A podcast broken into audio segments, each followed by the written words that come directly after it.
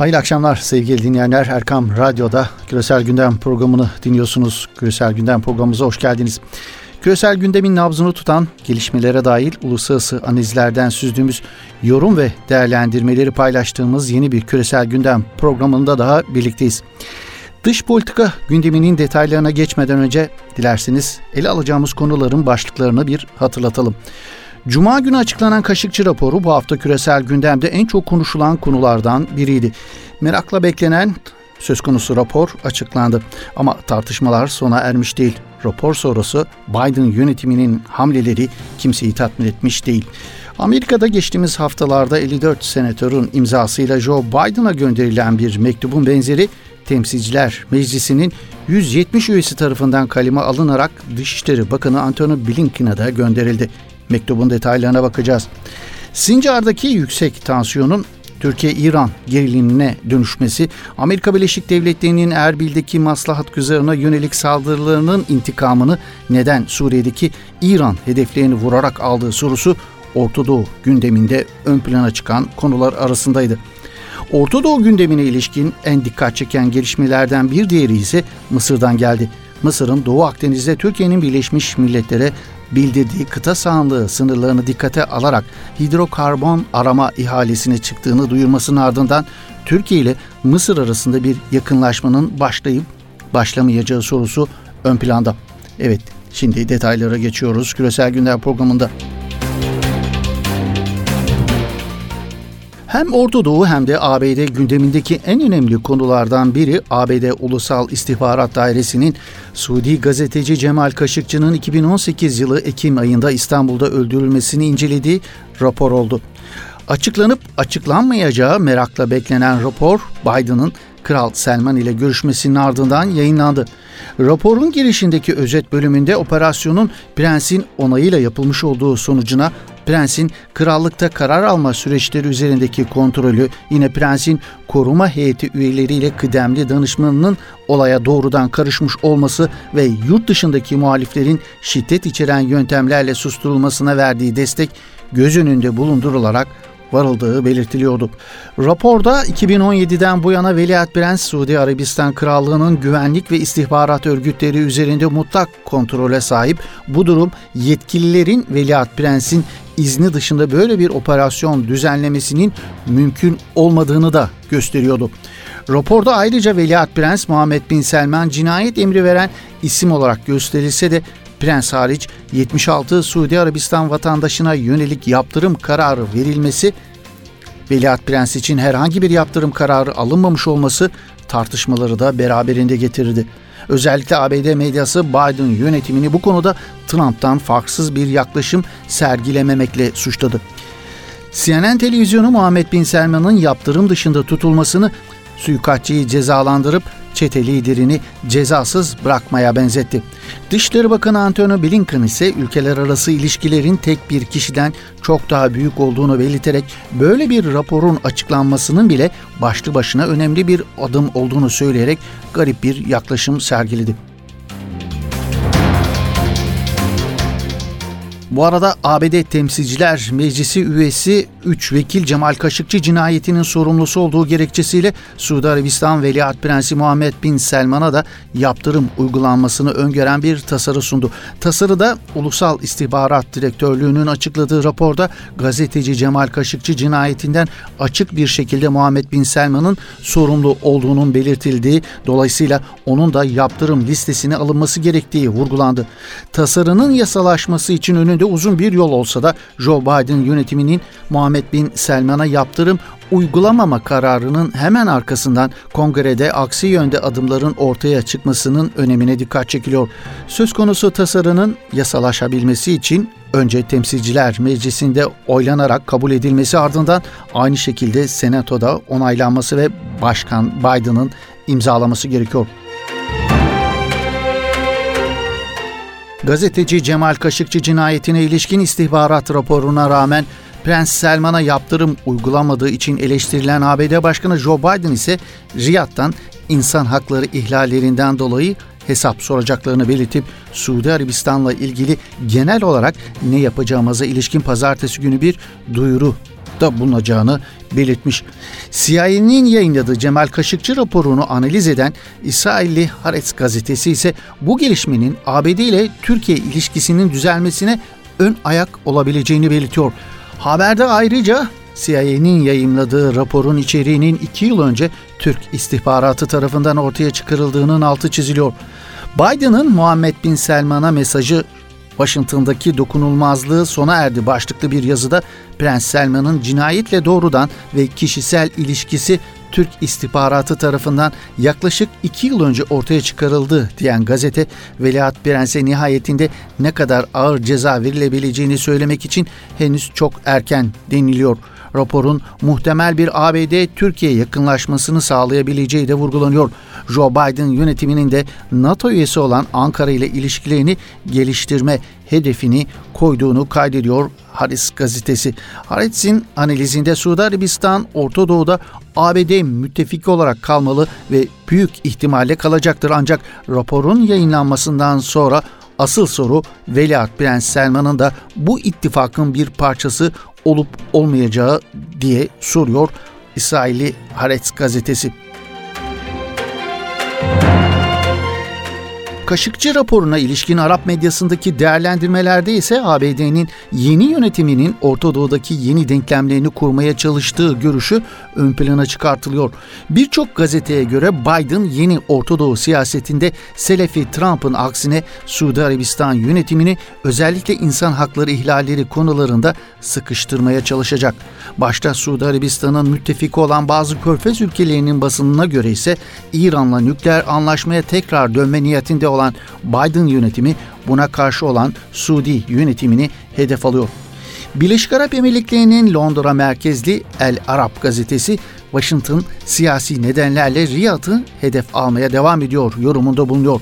Körfez ülkeleri haricinde Irak ve Mısır gibi ülkelerde ise Suudi yönetimine destek mesajları geliyor. Arap dünyasında resmi düzeyde gelen tepkilerin yanı sıra sosyal medyada yapılan paylaşımlarda hepimiz Muhammed Bin Selman'ız kampanyası ise dikkat çekiciydi.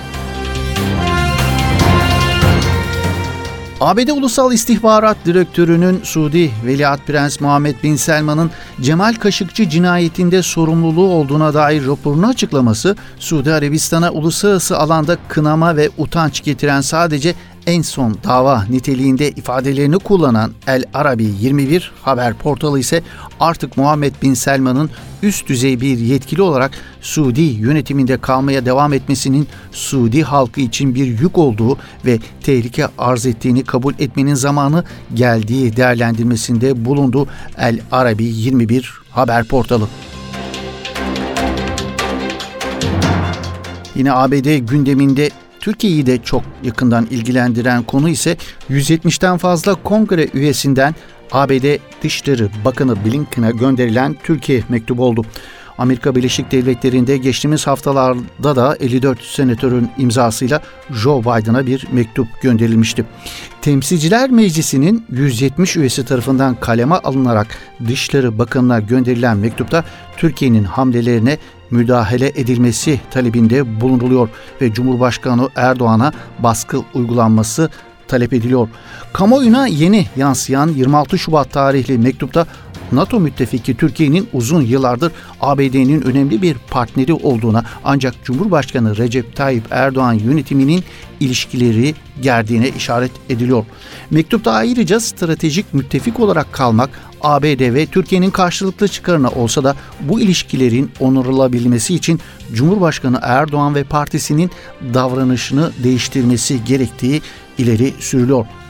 Evet Türk yargısı zayıflatıldı, ifade ve basın özgürlüğü törpülendi, ABD-Türkiye ilişkileri gerginleşti, insan hakları yok sayılıyor, muhalefet baskı altında tutuluyor gibi iddialar sıralanıyor söz konusu mektupta.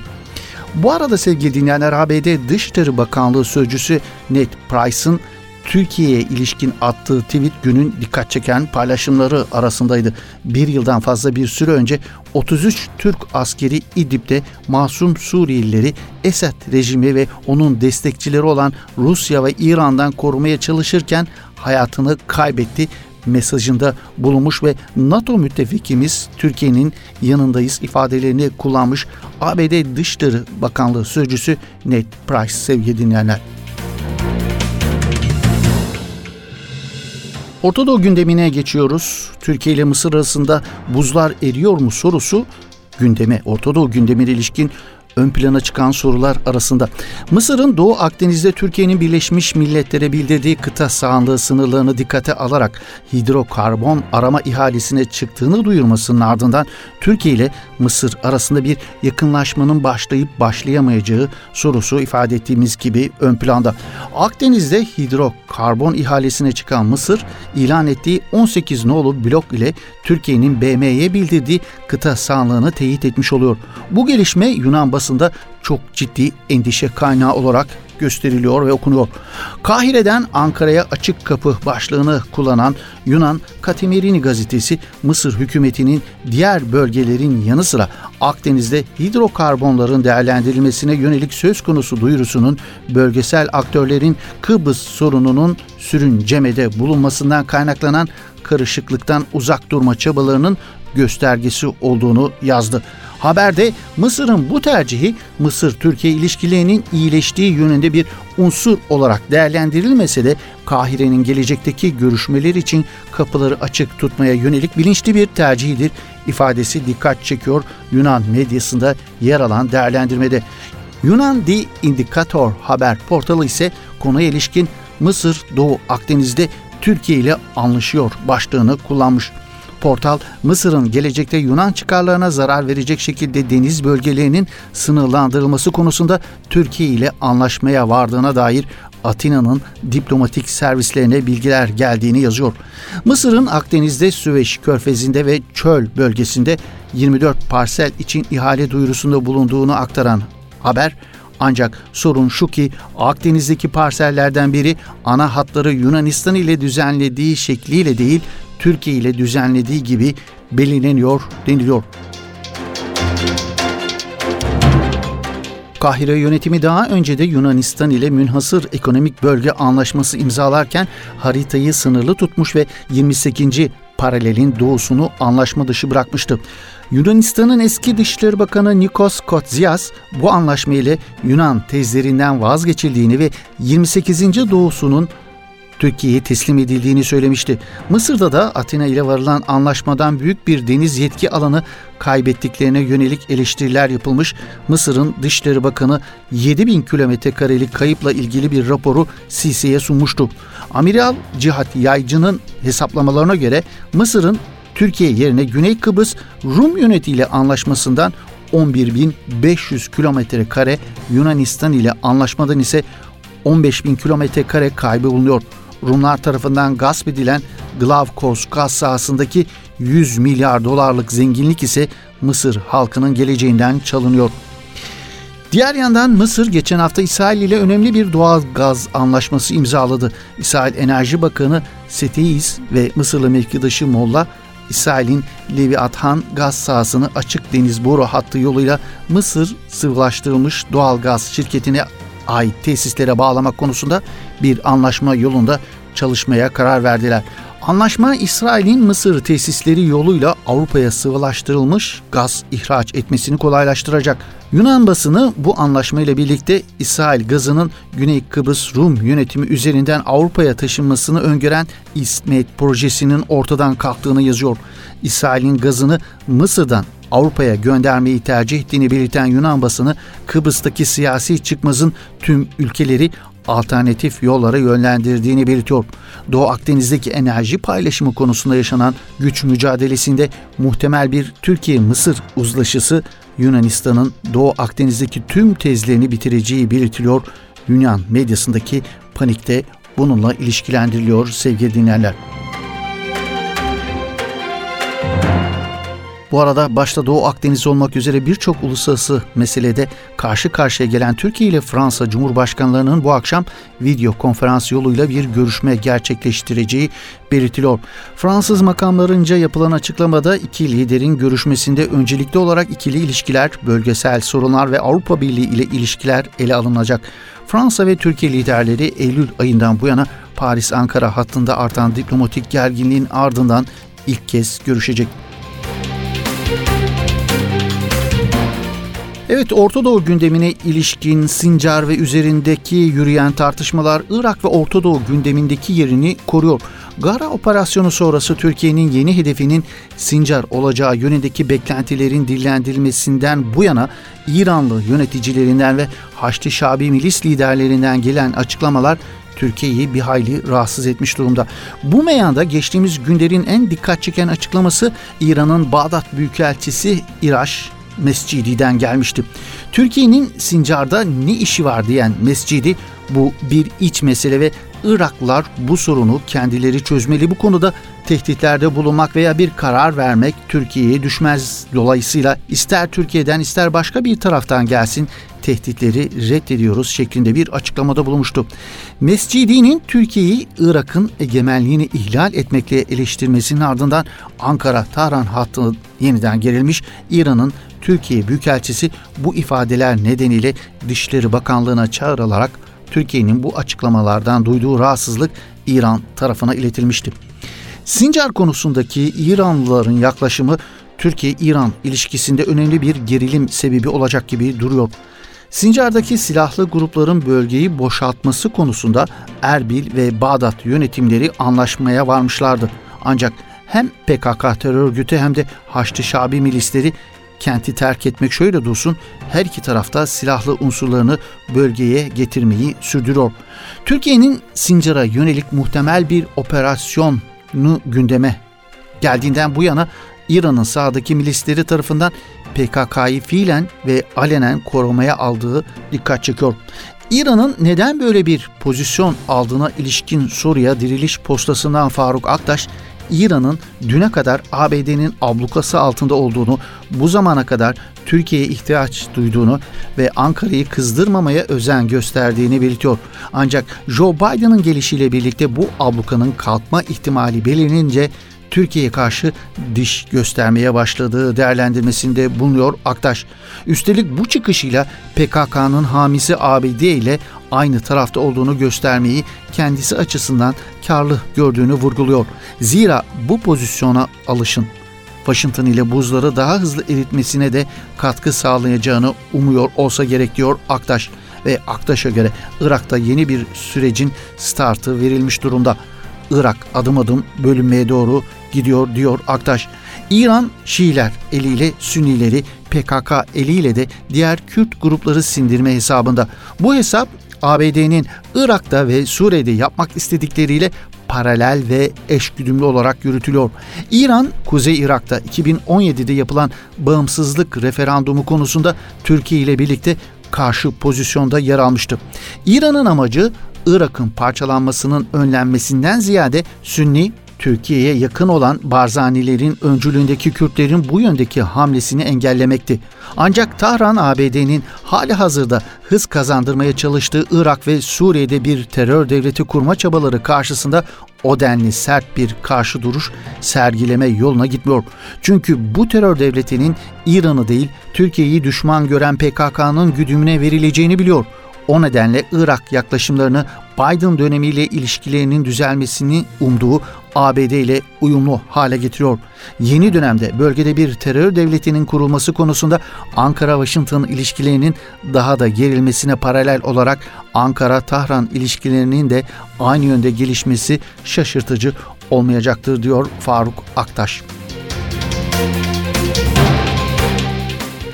Orta Doğu gündemine ilişkin dikkat çeken konulardan bir diğeri ABD'nin geçen hafta Suriye'de İran hedeflerine yönelik gerçekleştirdiği saldırılar oldu. Amerika Erbil'de ABD Büyükelçiliğine yönelik İranlı milislerce gerçekleştirildiği söylenen saldırılara cevap niteliğindeki bu saldırıları neden Irak toprakları değil de Suriye'de gerçekleştirdiği sorusunun cevabı aranıyor Orta Doğu medyasında. Kutsül Arabi gazetesinden Vail İsam bu konuda şu değerlendirmede bulunuyor. ABD'nin Hizbullah ve Ketaib Seyit el Şüheda milislerine yönelik Suriye-Irak sınırındaki saldırısında dikkat çekici olan ABD askeri karşılık verirken Irak sahasını bu operasyona dahil etmedi. Halbuki ABD'nin Iraklı milislere yönelik bu misilleme saldırısı Suriye'de değil, Irak topraklarında olmalıydı. Çünkü bu milisler Iraklı ve ABD'nin Erbil konsolosluğuna yönelik saldırıları Irak topraklarında gerçekleşti. Amerikalılar Iraklı milisleri Suriye'de vurdu. Çünkü Kazimi hükümetini zor durumda bırakmamak ve Irak'ta daha fazla gerginlik yaşamamak içindi diyor Kutsül Arabi gazetesinden Vail İslam ve devam ediyor. ABD'den gelen haberlere göre Joe Biden Amerikan Savunma Bakanlığı tarafından önüne konulan birkaç operasyon planından en hafifini seçti. Bu da ABD yönetiminin İranlar ile gerilimi daha fazla tırmandırmak istememesi ve İran ile nükleer anlaşmaya tekrar dönmek istemesiyle bağdaşıyor.